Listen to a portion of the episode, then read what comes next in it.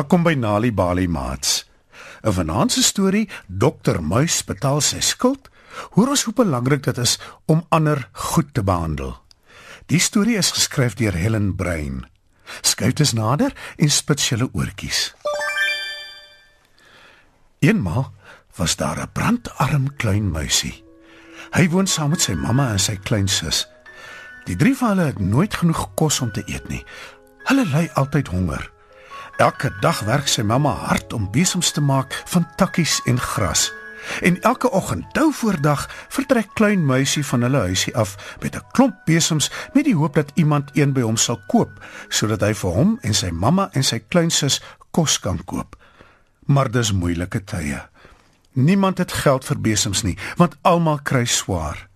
Meeste aande kom klein muisie doodmoeg tuis met al die besems en geen geld of kos nie en dan gaan slaap hy en sy mamma en sy kleinsus honger. Toe kom die winter.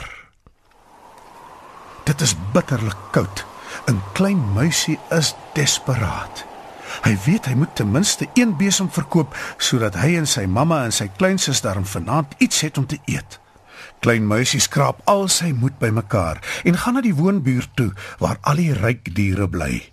Die huise is groot en daar is hoë mure om hulle gebou klein muisie bewe so bang is hy.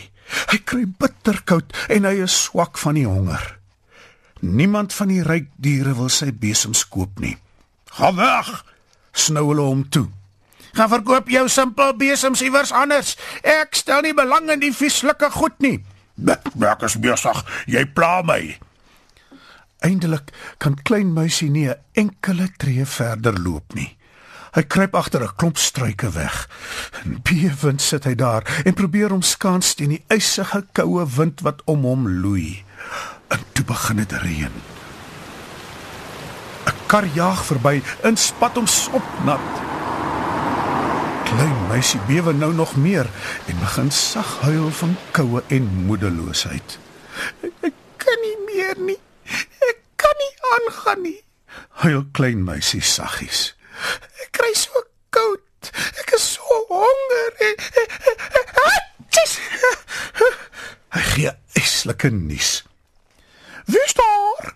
roep 'n ferm stem uit. Wie kruip in my struike weg? Klein meisie loer tussen die takke deur. Dis 'n krimpvark, 'n ryk krimpvark dame in 'n eislike groot kar. Sy het 'n heerlike warm jas aan en lyk baie gelukkig.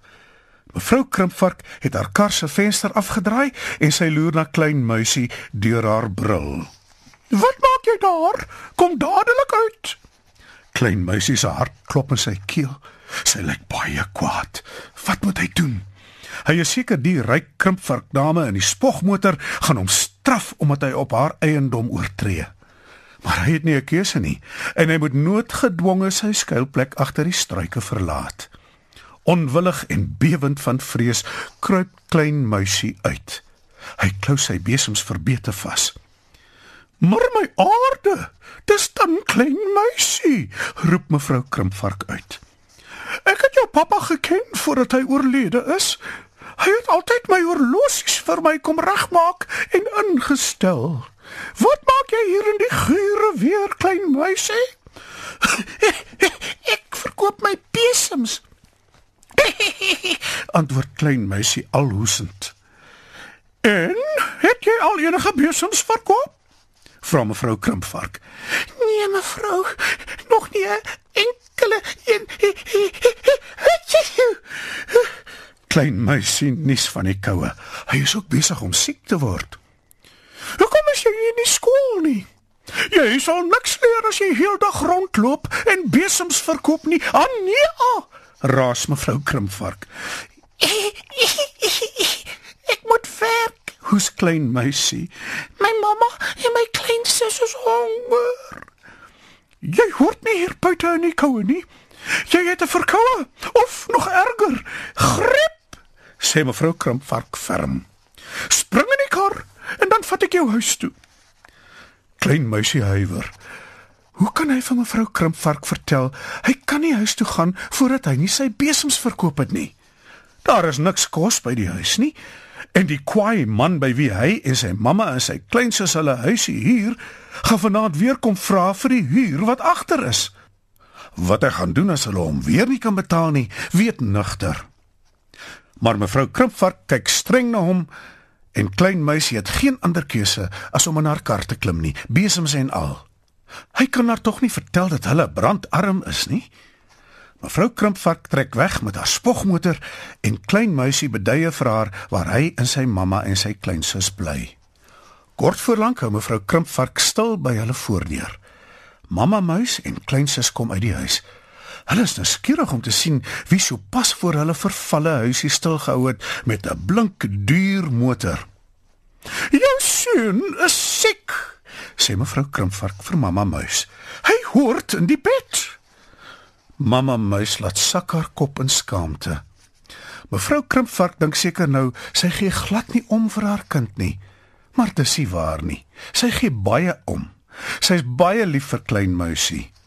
Mamma muis is na aan trane wanneer sy klein muisie help om sy pyjamas aan te trek.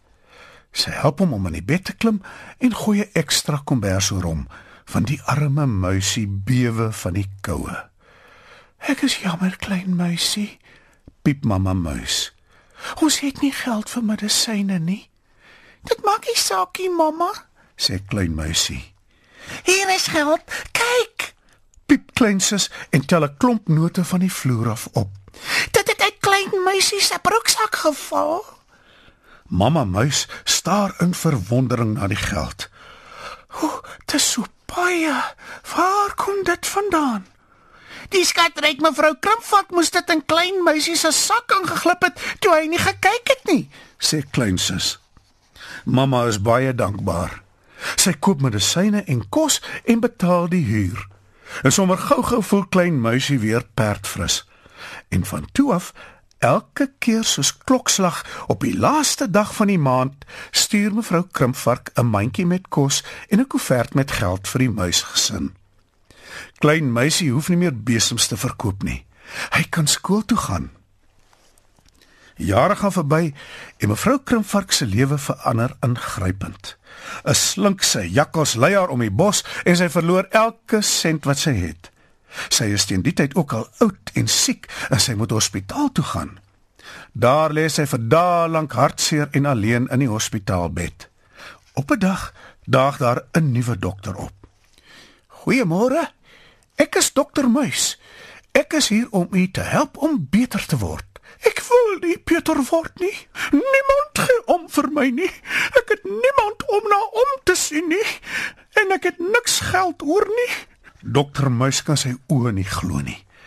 Dis dan die ryk dame wat hom en sy gesin al die jare lank gehelp het, wat nou so siek en uitgeteer hier voor hom lê.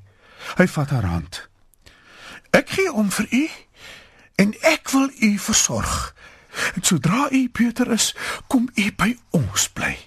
Mevrou Krimpvark voel sommer gou-gou beter. Wanneer sy heeltemal gesond is, gaan sy saam met dokter Muis huis toe. Dit is nie meer die klein vervalle plekkie nie. Hy en sy gesin woon nou in 'n groot, mooi, sonnige huis. Mevrou Krimpvark trek by hulle in. En so woon klein muisie wat nou dokter muis is, mamma muis kleinsusmuis en mevrou Krimpvark lank en gelukkig saam. Wanneer kinders tuis stories hoor, help dit hulle om beter leerders te word op skool.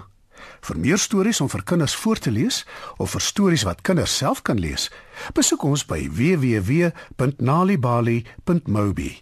Daar is heelwat stories in verskeie tale absoluut gratis beskikbaar. Daar is ook wenke oor hoe om stories vir kinders te lees en met hulle te deel sodat hulle hulle volle potensiaal kan ontwikkel. Nali Bali is ook op Facebook. Story Power. Bring dit huis toe.